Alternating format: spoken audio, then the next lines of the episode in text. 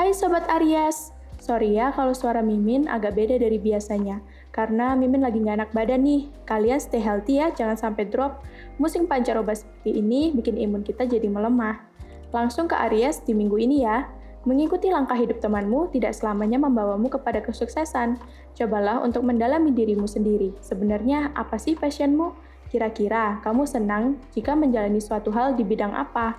Karena kamu sendirilah yang bisa menentukan jalan hidup yang bisa mengantarmu kepada kesuksesanmu sendiri. Jangan lupa imbangi usahamu dengan doa ya.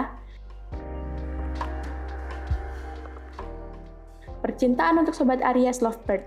Mencari jalan keluar masalah hendaknya dilakukan bersama, bukan hanya dari salah satu pihak saja.